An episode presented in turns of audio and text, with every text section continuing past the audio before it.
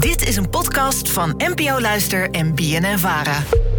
Hoi, ik vraag me dus af, waar komt dat geluid vandaan dat je hoort als je iemand probeert te bellen? Alledaagse vragen.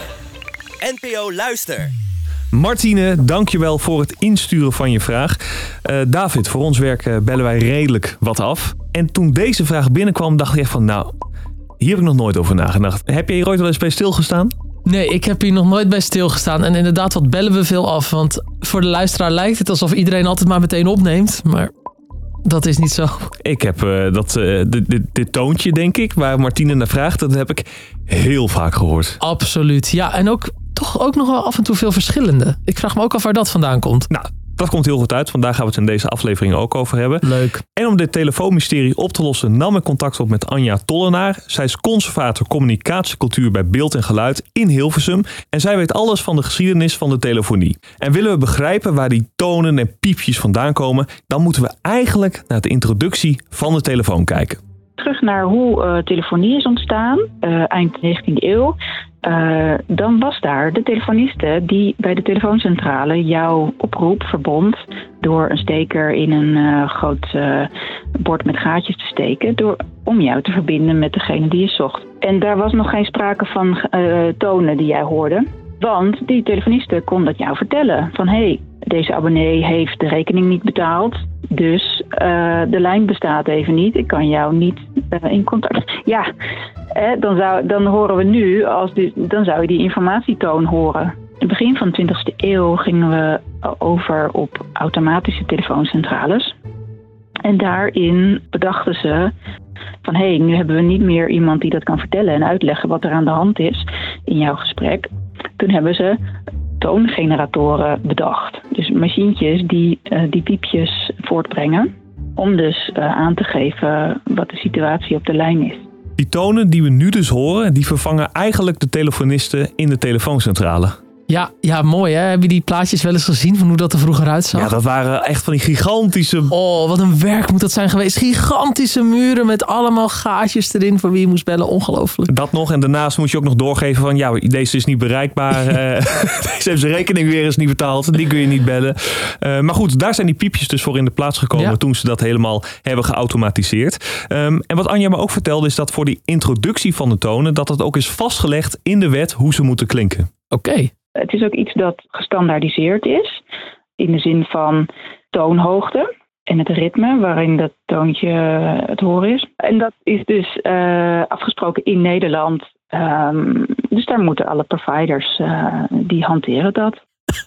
Dat er dan is afgesproken van nou, het moet wel op dit ritme en op deze toonhoogte zijn hoor. Anders raken mensen in de war. Ja, nou ja, het is blijkbaar eh, echt gebeurd. Op het op Nederlands. Op het op Nederlands. Het is trouwens wel zo dat ze dat in andere landen ook hebben gedaan. En daarom zitten dus kleine verschillen. Misschien heb je het ooit gehoord als je naar een buitenlands nummer belt. Dan Ja. denk je, hé, hey, dat is net wat hoger dan bij ons. Nou, dat komt daar dus door. Juist. Alledaagse vragen.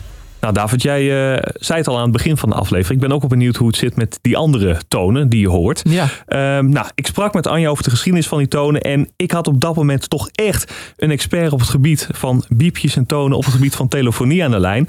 Dus het leek me een uitgelezen kans om eindelijk eens duidelijk te krijgen wat al die verschillende piepjes en tonen nou betekenen. Dus hierbij, speciaal voor alledaagse vragen, een overzicht daarvan van Anja. Wauw.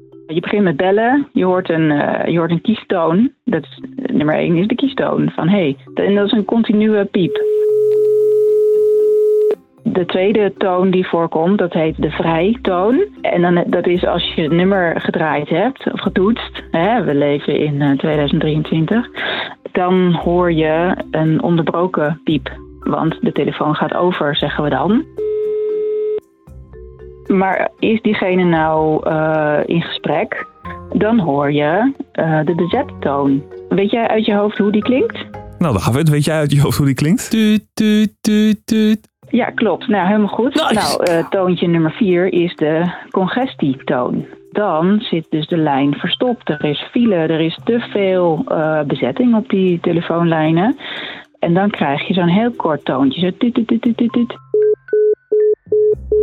Als vijfde heb je de informatietoon. Dat gebeurt als er dus iets anders aan de hand is met die lijnen. Dan is er een onjuist nummer gekozen of het nummer bestaat niet. Nou, die wil je niet horen. Nee, nee, dan weet je dat je fout zit. Ja. Wat ik me ook nogal afvraag. ehm, ik heb wel eens gehoord dat je als je iemand belt en die andere die drukt jou weg, dat dat te horen kan zijn voor jou. Ja, dat, dat heb ik ook nog eventjes aan eh, Anja gevraagd. En dat is dus blijkbaar niet waar. Op de enige manier waarop je het zou kunnen horen... is dat de telefoon korter overgaat dan je mag verwachten. Eh, maar er is niet een soort van extra signaal wat gaat van... eh, nou, deze heeft je weggedrukt. Nee, oké, dat is een fabeltje. Dat is een fabeltje inderdaad. Dus Martine, in deze aflevering zochten we voor je uit waar het geluid vandaan komt van een telefoon die overgaat. En het heeft ermee te maken dat providers in het begin van de 20e eeuw overgingen op automatische telefooncentrales. Hier was geen telefoniste meer die de beller kon vertellen wat er gebeurde tijdens het bellen. En hierom gingen ze met toongeneratoren geluiden maken die de luisteraar wel konden informeren. En deze gebruiken we tot op de dag van vandaag. Heb jij ook een vraag? Stuur ons dan een berichtje op Instagram. Dat kan naar Alledaagse Vragen. Maar je mag ons ook mailen op alledaagsvragen.bnnvara.nl en dan zoek het voor je uit. Alledaagse vragen. NPO Luister. BNN Vara.